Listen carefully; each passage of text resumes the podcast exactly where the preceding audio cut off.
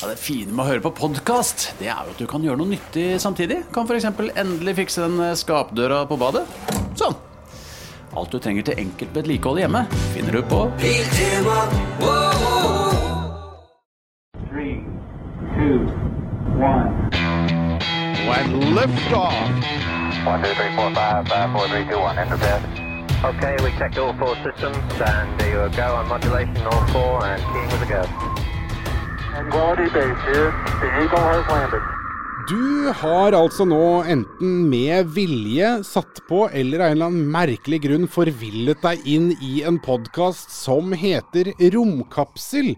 Som er altså et eh, univers, eh, og her er det så mange doble meninger som jeg liker. Eh, Eirik, Ja. et univers som befolkes av astrofysiker Eirik Newth. Det var da voldsomt så formelle vi plutselig var. Ja, og, og Nils. Johan Halvorsen, vi bør kanskje si det sånn i tilfelle noen eh, detter innom oss ved en tilfeldighet. For det, jeg har skjønt at det faktisk kan hende at det skjer av og Det var litt sånn jeg følte det akkurat uh, Plutselig var det nødvendig. Ja, det vi snakker da altså om alt som uh, har med verdensrommet å gjøre. Uh, la oss bare si det sånn. Og i dag forklart. så tar vi den altså faktisk helt ut. Vi drar så langt ut i solsystemet omtrent som vi kan komme. For eh, det skal handle om eh, Pluto Ja. og eh, denne eh, planeten på enden av Vi får komme til det litt vonde spørsmålet etter hvert. Ja, ja, ok. Eh, For som, eh, som du nettopp observerte, eh, dette er da en samtale mellom meg og Eirik akkurat nå, kjære lytter. Eh, For det som nå skal refereres til, skjedde før vi trykket på record, var at vi får inn altså så masse gode spørsmål og meldinger eh, på vår eh, Facebook-side. Den? At uh, her er det et, et hav av, av stoff å ta av, og spørsmål som skal besvares. Uh, alt uh, får vi ikke besvart i podkastsform, for da kunne vi ikke holdt på med noe annet, og det hadde vært dårlig butikk. Du vet hva, Da kunne vi lagd en sending hver dag, Ja. og det, det, det har dessverre ingen av oss tid til. Og det, jeg tror til og med at dere ville gått lei av det. Ja. Så det er like greit at vi gjør det på denne måten. Jeg syns det. David spør det altså. Har dere snakket om New Horizons og turen til Pluto og planene videre? Eventuelt kunne dere snakke litt om det, høres kjempespennende ut. Vi har jo vært innom det, har vi ikke det? Vi har det. Altså, for vi, vi snakker jo en del periodevis så snakker vi om romsonder. Ja. Uh, og dette her er Han har jo fullstendig rett i at det høres kjempespennende ut, for det er kjempespennende. Uh, men det vi godt kan gjøre, er vi kan jo eh, vi kan jo godt snakke litt mer om det i dag, for det er et av de mest sånn, dramatiske og ambisiøse prosjektene vi har hatt i verdensrommet de siste Egentlig siden rom, romfarten startet. Fordi at Pluto ligger så ekstremt langt ute, og det var så ekstremt vanskelig å få til. Og det tok dessuten så innmari lang tid å få denne sonden av gårde. Altså, Vi skal ikke glemme at eh, eh, Pluto er altså enten man kaller det en planet eller ikke, men mange vil si at det er yttergrensa i solsystemet. Den ble jo da nådd uh, i 2015. Og, og, og før det, det var altså 26 år etter den nest ytterste planeten Uranus, som ble nådd i 1989. Så det var, eh, det var på høy tid. Så ja, eh, David, det kan vi godt gjøre. Bare, Ja, ja, vi er i gang allerede. vi er i gang allerede, sånn liksom. og eh, det første vi kan si, er vi må være sånn, litt sånn kjapt om Pluto. For det er ikke sikkert alle som hører på, er liksom klar over Altså, de vet at det er en klode. Uh, Pluto er jo den planeten i solsystemet, da det mest, meste var en planet, eh, så var den siste som ble oppdaget. Den ble oppdaget i 1930. Det var innmari plundrete å finne Pluto. Man hadde lett etter Pluto i nærmere 100 år. Unnskyld meg. Bare sånn der fra legmannstermer. Man hadde lett etter, så man visste at det var noe der? Ja, og det var fordi at um, det fantes en teori som var liksom basert på observasjoner av uh, Uranus og Neptun. Så fantes det en teori om at uh, banene deres ble forstyrret av en ukjent planet X. Og denne planet X den lette man etter veldig lenge, og så klarte man ikke å finne den. Og så til slutt så ble den da funnet i 1930 av en ung amerikaner som het Clyde Tombaugh, eh, astronom. Og, og over natten så ble det en sensasjon, og det er fordi at det var da første gang på veldig lenge at det var funnet en ny planet i solsystemet. Og det flyttet yttergrensa for solsystemet veldig langt unna. Og den lå ekstre... Altså, den var så liten at den bare var en lysprikk på himmelen. Vi kunne ikke se noen planetskive, men man, man, man så at det var en planet. Så det ble en stor sensasjon. Så det ble utlyst en internasjonal navnekonkurranse. Liksom, hva skal vi kalle denne her? Uh, og den ble vunnet av en jente som het en 11, år gammel uh, britisk jente som het Venisha Burnley. Så hun er da husket fordi hun fant på navnet Pluto, og det er jo da dødsguden i, uh, i romersk mytologi.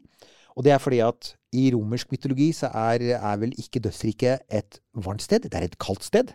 Det er kaldt og mørkt.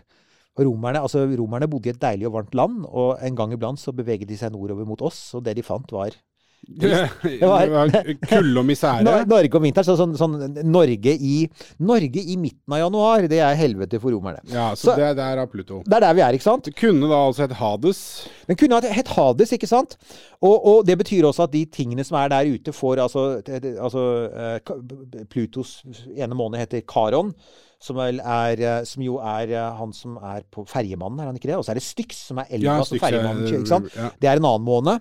Uh, Ferry cross the river Der kom vi igjen. Ja, det er det by popular demand. Ja. Da har vi gjort det. Uh, vi glemte i forrige sending å nevne Werner von Braun. Nå er det også gjort her. Selv om han egentlig ikke er relevant for Pluto i det hele tatt. Nei, det er ikke Elon Musk heller. Nei, faktisk ikke. Men jeg er helt sikker på at Werner von Braun var veldig begeistret i 1930. For da var vel han sånn ca. 18 år. Uh, og hadde ennå ikke oppdaget nazismen. Men, uh, men ja, en av de som ble inspirert av dette, skal ha vært Walt Disney. Ja, med bikkja. Med bikkja. Og det er fordi at på det tidspunktet var Mikke Mus i ferd med å bli en svær ting. og han skulle ha en hund. Og, og eh, jeg spurte faktisk eh, Britta Møystad Engstad, vår eh, husets filmekspert, om dette kunne stemme. Hun mente at det hørtes veldig rimelig ut. Som hun sa, det hørtes veldig ut som Walt Disney. Han var jo en mann med sans for markedsføring, og, og Pluto var altså igjen I 1930 så var planeten mye mer kjent enn den bikkja. Så Jo, jo, men jeg bare, da, da, hvis jeg bare skal uh, dvele unødvendig lenge ved akkurat det, da, så syns jeg det er rart å kalle en sånn elskelig liten tegnefilmhund for en dødsgudsnavn, på en måte. Men han tenkte vel bare så langt Walt Disney at dette knyttes opp til et eller annet som er veldig poppis og Ja, hot, hot for for Ja, at det, var, det var virkelig det. Det var, eh, det var, det var sånn, sånn Plutomani en periode der. Ja. Det var ett problem, og det var det veldig lenge. Uh, Pluto er, altså med sett i teleskop, så er den bare en lysprikk. Selv i romteleskopet så er den bare noen få piksel stor. Um, så den, den ligger jo da normalt sånn 5-6 milliarder kilometer unna. Fem-seks milliarder kilometer unna. Ja, Bare la oss, sånn For sammenligning, hvor langt er det til månen? Uh, det er sånn ca. 300 000. Ok, ja. Så det er et stykke, da. Det er et stykke. Det er et stykke. Hvor lang tid tar det å komme dit? Ja, det, det tar jo å, å, å reise dit kommer jo an på hvor fort man reiser. Jo, jo, men altså Men altså New, New, Horizons, New Horizons. New Horizons ble skutt opp i 2006 og passerte Pluto i uh, 2015. Så det tok ja, ni ni år. år. Ja. Og da hadde de jo skinna grundig på ved hjelp av sånn, eh, sånn drahjelp fra Saturn. ja. Eh, og det var smart. Det var vel både Jupiter og Saturn som var involvert der. Uh, og det var smart, fordi at ellers så hadde den brukt fryktelig mye lengre tid. For det er, det er enorme avstander. Og disse enorme avstandene gjorde jo selvfølgelig at med de teleskopene du hadde i gamle dager, så var det ikke mulig å, å gjøre noen mer presise observasjoner av den. Så det var veldig lenge usikkert hva det var. Eh, hva slags planet det var. Man oppdaget etter hvert at den hadde en atmosfære. Man skjønte at det var mye is der, og kanskje frosne gasser. Sånn metan og nitrogen og sånn.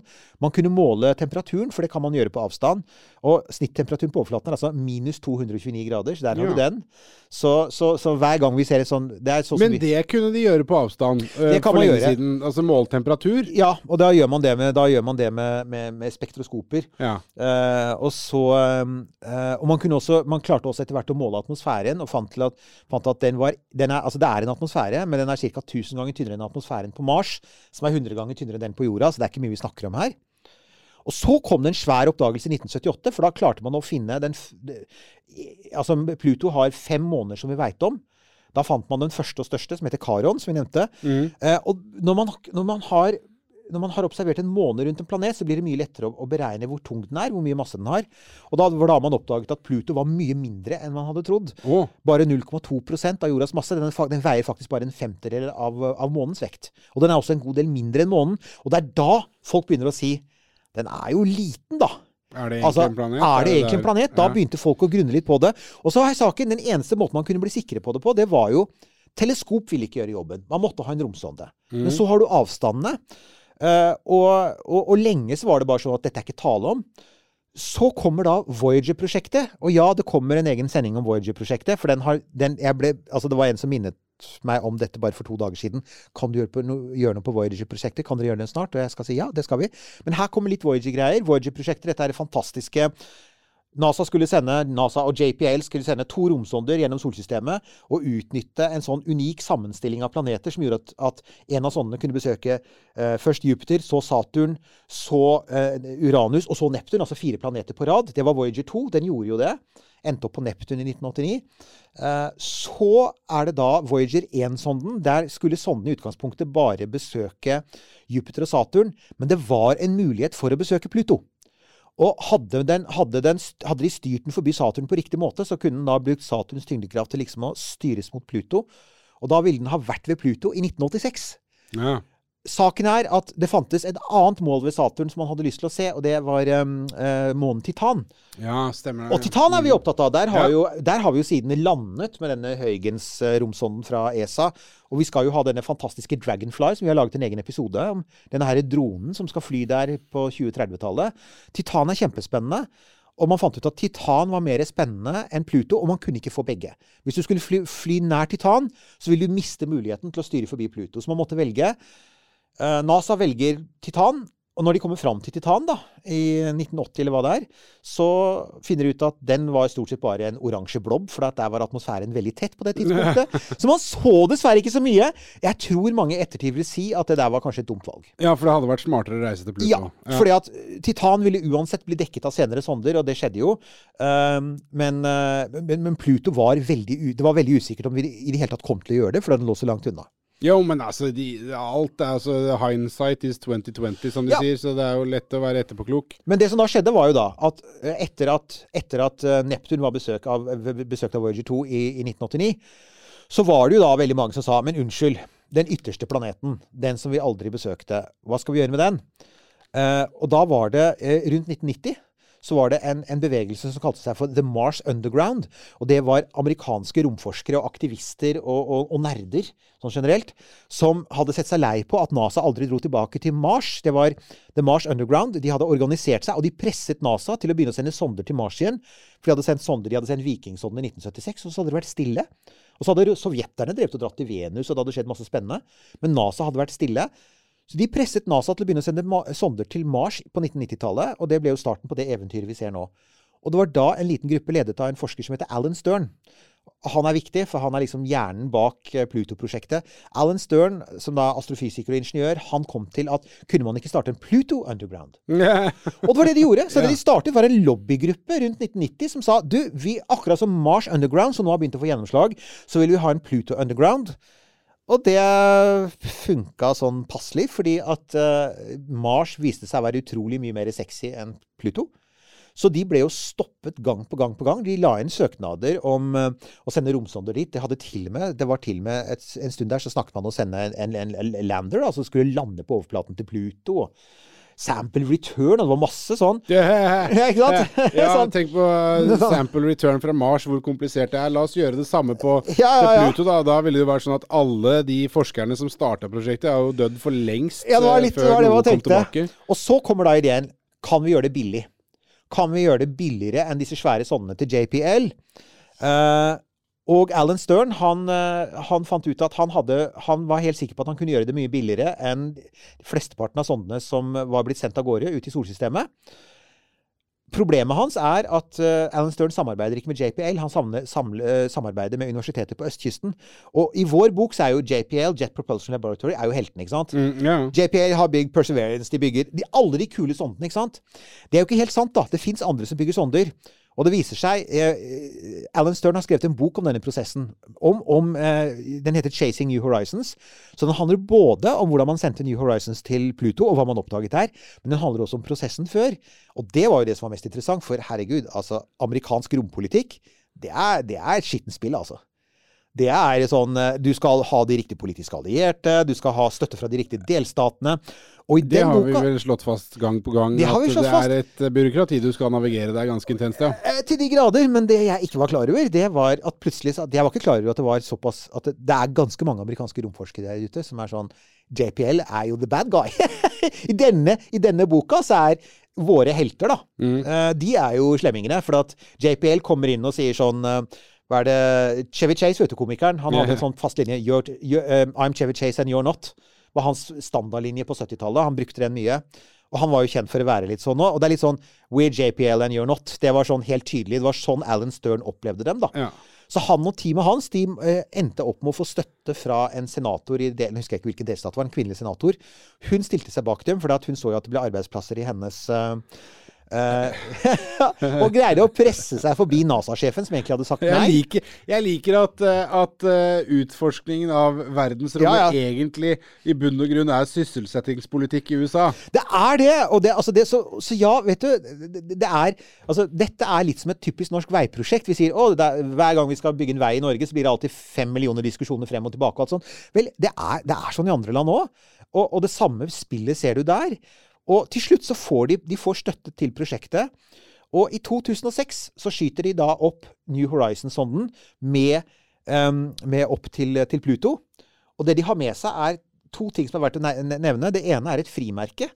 Som var det som i sin var en, sånn, en annen ting som liksom inspirerte Alan Stern og de andre. Det var på, på, på slutten av 80-tallet så utga det amerikanske postvesenet en, en serie med frimerker av, av de store triumfene til amerikanske romsonder. Og da viser de bilder fra alle planetene, inklusive Neptun. Og så du, kommer du til frimerket med Pluto. Og frimerker, kjære lyttere, det var sånn som man pleide å sette på ting før når man skulle sende noe, før e-post. Um, og der er det en hvit sirkel, for man har jo ikke noe nærbilde av den. Og så står det 'Not yet explored'. Og det var sånn Å, søren, vi kan jo ikke ha det sånn. USA kan ikke tillate at det er en planet som ikke er utforsket. Så det frimerket, det er med til Pluto. Det er faktisk på New Horizons nå. Pluss en ting til, og det er jo litt spesielt, da. 30 gram av asken til Clyde Tombaugh, som døde like før den kona hans gikk med på det. Så, så vi har jo hørt om folk som er blitt sendt opp i rommet før asken, men det er ingen som har blitt sendt så langt ut som Clyde Tombaugh. Så han som oppdaget Pluto, han er på vei til stjernene. Det er litt kult. Ja, ja. Så kommer da krisa. Å, var det krise? Jeg var Ja, egentlig klar kommer for- krisa. Ja. Det er jo, jo, for i 2006, det er også det året da Den internasjonale astronomiske unionen bestemmer at Pluto ikke lenger er en planet. Ja. Så da er Men, altså men kan jeg bare Ja. Akkurat den der greia der. For nå har jeg, nå har jeg sittet og tenkt at eh, det må vi snakke om eh, en stund. Ja. For det, altså man bare bestemmer at dette er ikke en planet fordi at det, fordi den er for Altså dvergplanet blei det, og så var det, så var det vel noe snakk om Plutoide har de prøvd å kalle det nå. Ja, ja, nå, nå, nå skal det visstnok kalles for plutoide. Det har vært mye uh, u- uro omkring det. Nei, det er jo Altså For det var noe sånn fram og tilbake om at man skulle kalle det en planet igjen, og så var det sånn Ja. Men er, er det så nøye hva det Altså Nei, altså, jeg, altså jeg tror Det som utløste det, var at i 2005, da, året før, så ble det funnet et nytt objekt som lå utafor Pluto, som het Eris. Og Eris er også en klode. Og Eris er større enn eh, altså Man trodde i hvert fall da at Eris var større enn Pluto. Og det en del forskere da begynte, astronomer begynte å si, var vent nå litt. Hvor, hvis det finnes mange objekter som Eris der ute, så er det jo ingen grense for hvor mange planeter vi har i solsystemet. Så kanskje vi bare skal ha en sånn cutoff hvor vi sier at vi, vi, lager noen, vi, vi lager noen regler som gjør at Pluto og Eris er utelukket, sånn at vi slipper å legge til nye planeter hver gang vi oppdager noe stort der ute utenfor Pluto. For at akkurat nå så har vi ikke sterke nok teleskoper, men kanskje vi får det etter hvert. Og da kan det hende at det finnes tusenvis av sånne. ikke sant? Yeah. Det er logikken.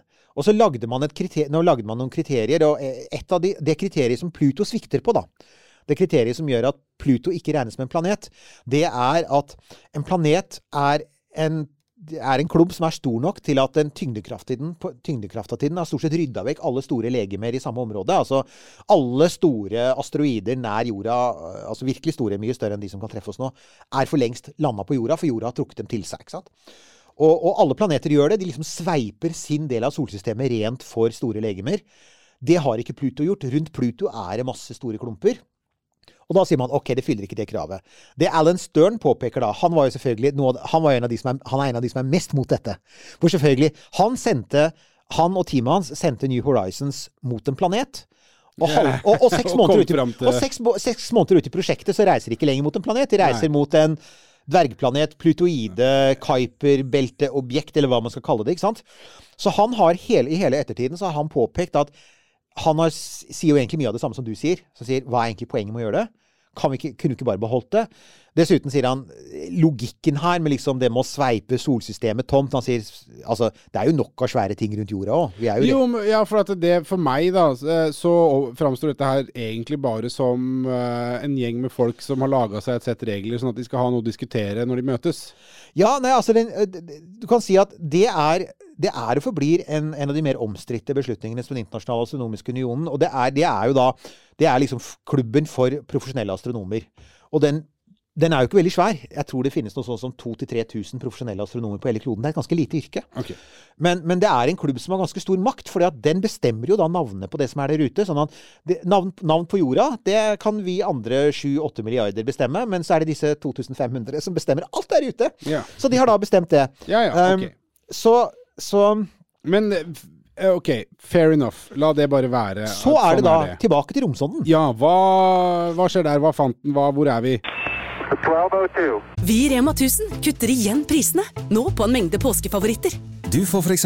minst 25% priskutt på appelsiner i løsvekt, familiepakning med vaffelmiks fra Toro, tipakk Rieger kakao fra Freia og andre påskefavoritter. Alt dette og enda flere priskutt på minst 25 For det er sluttsummen på påskehandelen som teller. Og husk at vi fortsatt har fryst prisen på over 1000 varer. Kiwi er billigst i VGs matbørs og har vært billigst i fire av de fem siste VGs matbørser. Og nå har vi billige parti- og sesongvarer til påske. På 6 ganger halvannen liter Coca-Cola Zero setter vi prisen til 79 pluss pann. På 600 gram Folkets Burger Big Pack setter vi prisen til 79. På 650 gram Lerøy helside laksefilet i aluminiumsform setter vi prisen til 169. For det er vi som er prispresserne. Og vi i Kiwi gir oss aldri på pris. Det som da skjer, da, er at den bare fortsetter å fly der ute. Den tar litt bilder underveis. Mesteparten av tida er den i dvale. Og det er selvfølgelig fordi Altså, det er ikke noe vits i å belaste instrumentene. Det er ikke noe vits i å slite på, på liksom sånn, noen av, noe av mekanikken der på kamera og sånne ting. Den tar noen bilder. Ellers er den i dvale. Den har selvfølgelig et sånt kjernekraftverk om bord. Altså selvfølgelig, igjen, her i romkapsel, hvis ikke du vet det. Vi er tilhengere av kjernekraft, for ellers kan vi ikke utforske Pluto. Den har et sånn lite Det, det lille kompakte NASA-kjernekraftverket som leverer 250 watt i mange, mange, mange, mange, mange år. Og så, da. Planen var jo da å plassere, passere Pluto 14.07.2015. Og dette hadde man visst veldig lenge. fordi at dette er sånn man- Bare passere. ja, for det er saken. For altså, den, den får jo da drahjelp fra Jupiter, bl.a. Jupiters tyngdekraft, og det gjør at den kommer fram mye fortere. Men det betyr også at den blir et av de raskeste objektene som menneskene noensinne har sendt ut i solsystemet. Det er titusenvis av kilometer i timen, og man kan ikke bremse opp, for at den har jo ikke Den er jo liten og lett, denne sonden. Den er billig. Så den har ikke noen bremseraketter. Den kan ikke gå i bane rundt Pluto. Så man veit jo at når den kommer fram til Pluto, så har man i praksis bare noen få timer. Så da, da reiser man altså i, ni, i ni år. Ja, det, det er akkurat det. Det er det det, er det, det er sånn, det er sånn eh, Du har da ordna dette, eh, og så skal den da farte i ni år, og så har du et par timer på deg. Ja. Og så er tidsforsinkelsen er vel sånn som, som seks timer, så alt må være, fjer det må være Ja. forprogrammert. Du kan, ikke, du kan ikke styre det. Og ikke bare det, men du skal sikte det inn. Du vil jo prøve å finne ikke bare Altså Pluto kan du nok sikte inn på, men du er jo ikke 100% sikker på at innstillingen er riktig, så du sikter Du stiller romskipet inn der du håper på at alt skal være.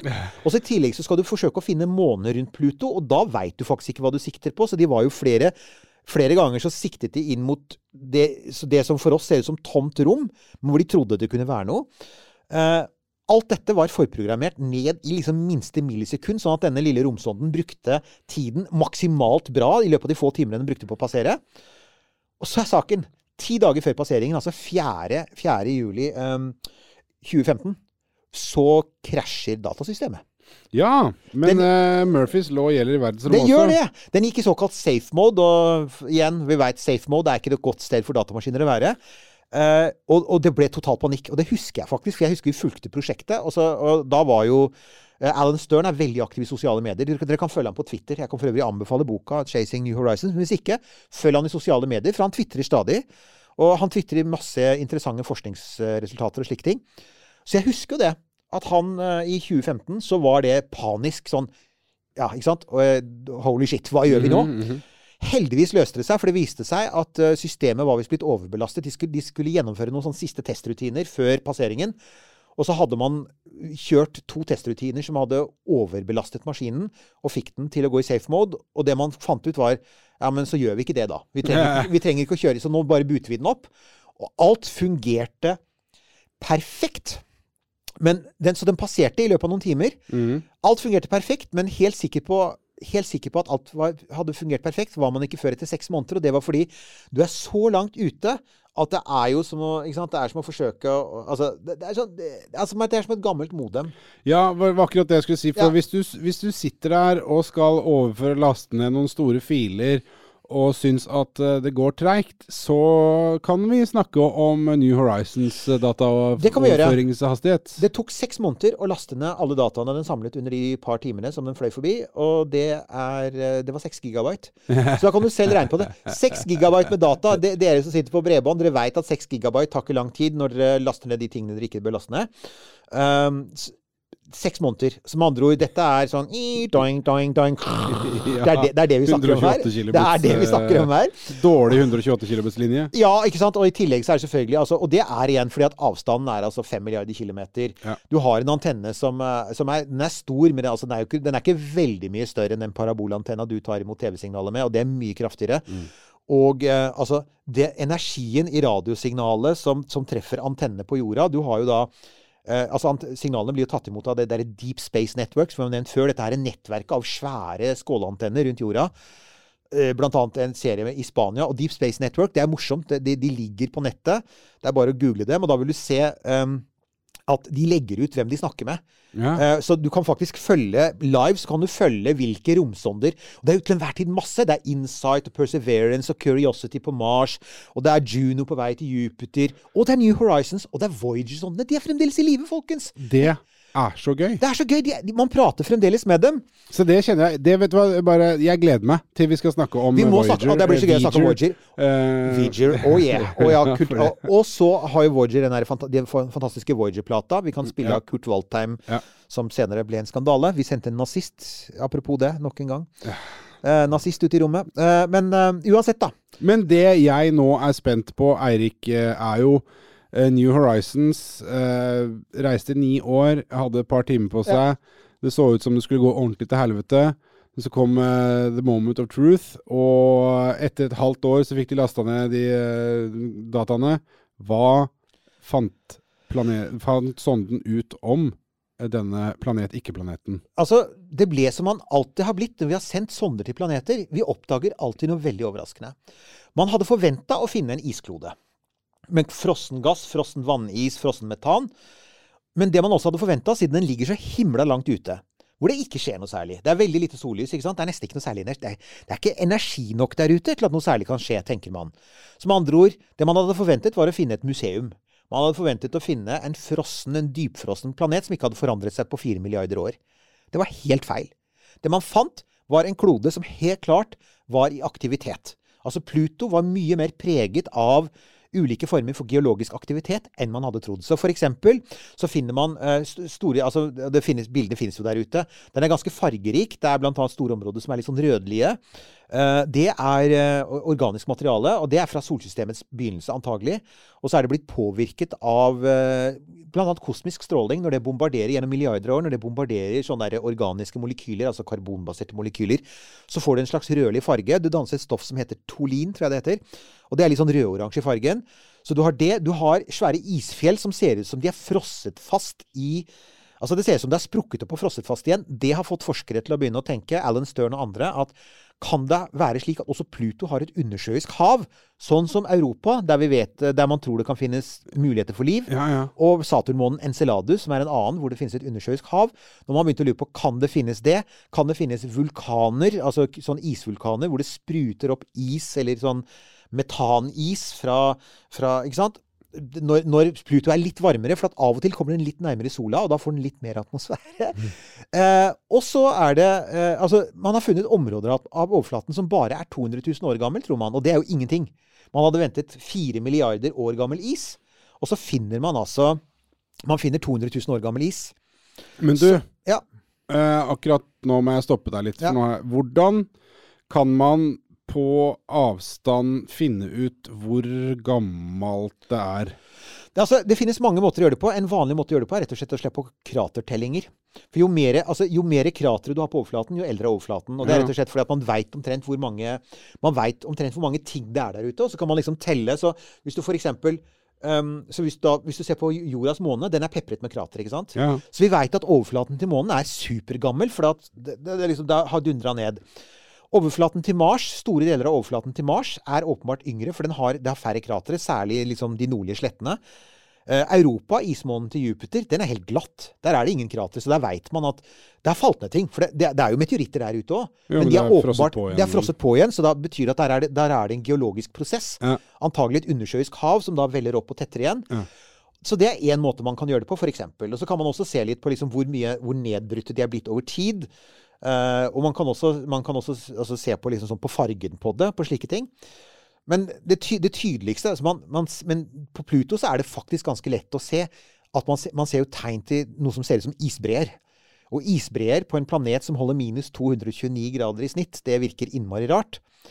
Og, og de høyeste fjellene på Pluto er for øvrig er rett og slett altså det, er, det er som de sier water ice, altså det er vannis. For det finnes, på Pluto så er nesten alt is. ikke sant? På Mm, Pluto ja, så er nitrogenis og metanais så da har du høye fjell, da. Som er eh, Du har flere tusen meter høye fjell som rett og slett er isfjell, da.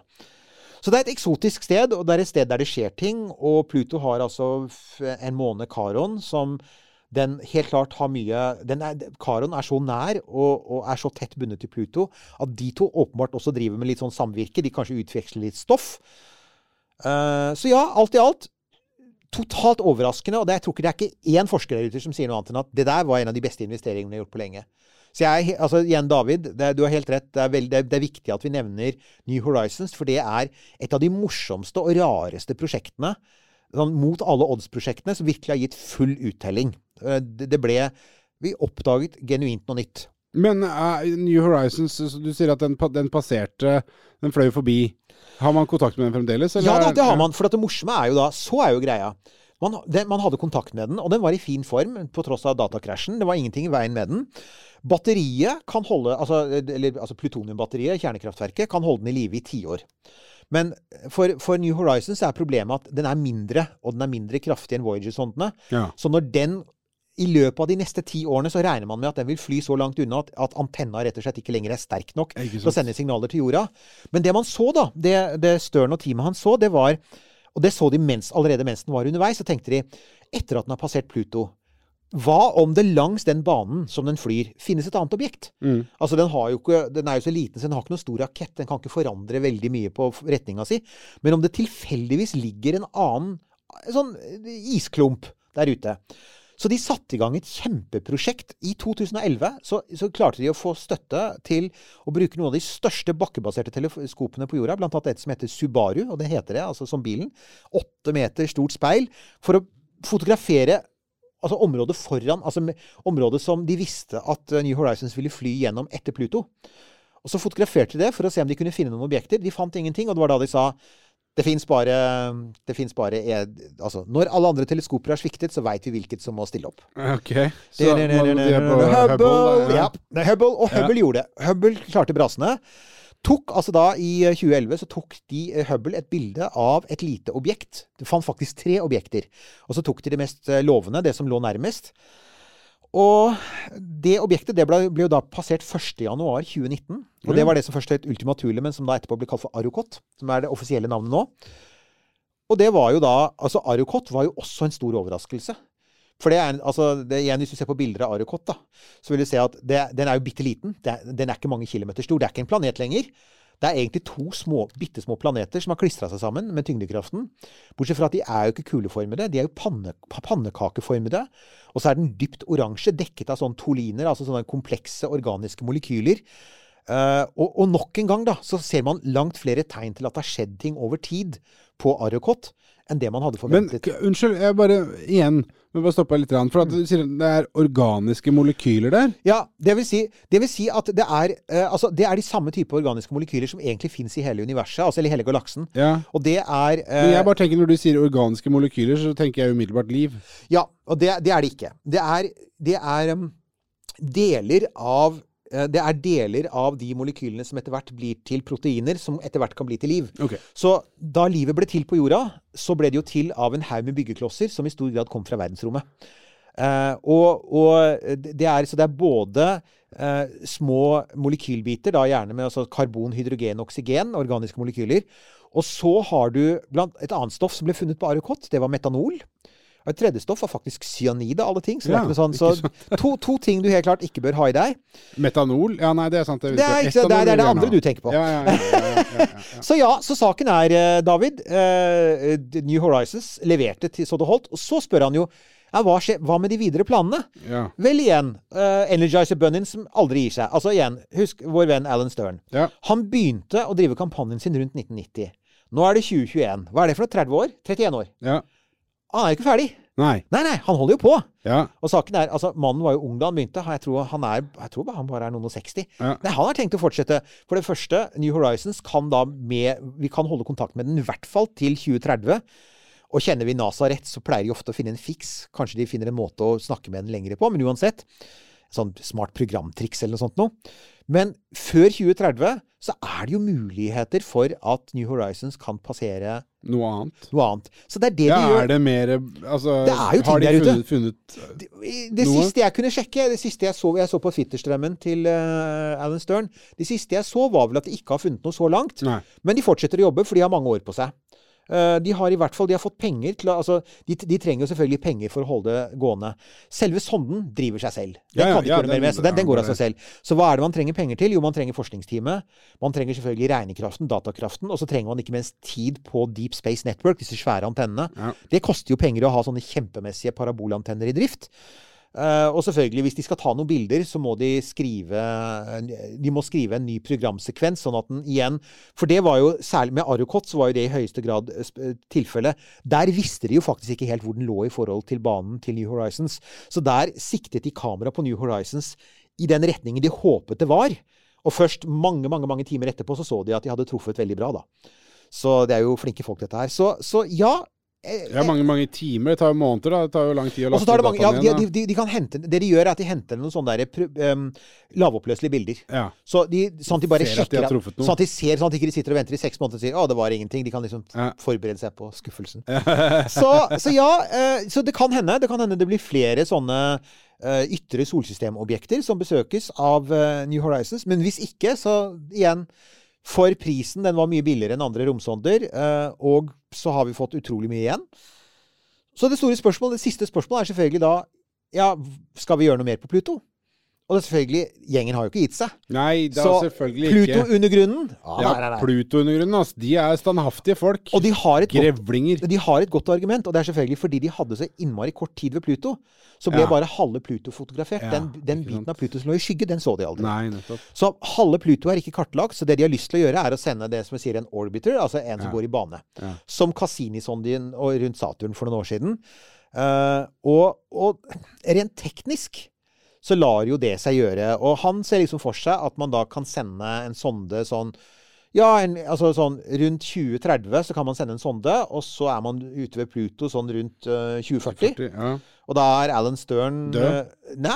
Nei, det er ikke Han er i ikke- ikke 60-åra, han som begynnelsen av 60-åra nå, Ja. så i 2040 så vil han være i 80-åra. Og hvis han, han, han er, ser slank og frisk ut, han.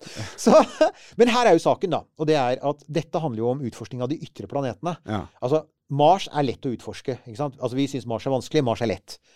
Kort vei til Mars. Kort vei til Venus. Du kommer til Venus på noen måneder. ikke sant? Mm. Hele det indre solsystemet, selv til Jupiter, går det ganske kjapt å sende av gårde. Mm, Alt er relativt her nå, vi sier ganske kjapt, da. Ja, men ikke sant, det er noen år. Ikke sant? Ja, ja. Det kan sendes i løpet av noen år. Så vi har sendt ganske mange sonder til Jupiter.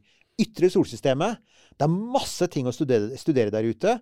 Og det står viktige prosjekter i kø. For eksempel, vi har også Voyager fløy jo bare Voyager gjorde jo akkurat som New Horizons. Det fløy forbi Uranus og Neptun på noen timer. ikke sant? Mm. Så vi har bare noen få timers observasjoner av Uranus og Neptun, to svære, viktige planeter i det ytre solsystemet, uh, som er fra 1986 og 1989, med den teknologien de hadde da. Så innmari mange forskere vil ikke minst besøke Neptun igjen, for at Neptun er en interessant planet. Neptun har en svær måne som heter Triton, som antagelig er som Pluto. Det er antagelig en Pluto i bane rundt Neptun. men Man tror jo at, at Triton antagelig er en Pluto-lignende planet som har blitt fanget inn av Neptun for veldig lenge siden. Den kan også ha et hav under isen. Den har også isvulkaner. Bildene fra Voyager ser kjempespennende ut, men er i lavere oppløsning enn det vi ønsker oss.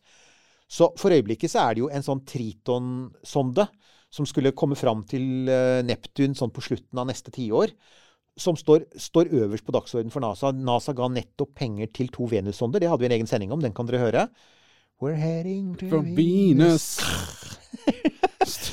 det, det, det, vi hadde, det var der det begynte, faktisk. Det var der det begynte. Sånn det var da folk begynte å be om dette. Så ja, NASA valgte å prioritere Venus nå. Antagelig fordi det har vært mye, det har vært mye mas de senere år om at det er så mye Mars, hvorfor ikke Venus? Og da var det innmari mange ytre solsystemforskere som sa men hallo! Hva med Neptun? Altså Neptun har vi jo Den glemte planeten. Så, den, så før vi reiser Det er poenget, David. Før vi reiser tilbake til Pluto igjen, så blir det helt nesten 100% sikkert så blir det nok heller en sonde til typ Neptun, og kanskje også Uranus. For at det er to mye større kloder som vi vet Ja, Vi vet altså, mindre om. Ja, tenk, jeg tenker jo også da at øh, Og nå bruker jeg ordet med all mulig eh, forbehold og øh, alt, at alt er relativt. Uh, plukk de lavthengende fruktene først, på et vis.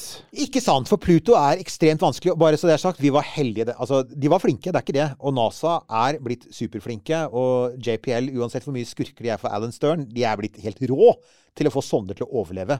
Det begynner å bli lenge siden de hadde noen problemer med det nå. Men, men det er risikabelt. Og særlig når du skal til Pluto, for da er det så fryktelig lange tidsspenn. Ja, det er det. Og det, er, ikke sant? Og det, er, det har jeg jo sagt mange ganger, at det er jo det jeg syns er så utrolig fascinerende. det greiene der, sånn At man liksom starter et prosjekt eh, vel vitende om at eh, før noe flyr, så tar det liksom minst ti år. Eh, og, det, og så skal det da?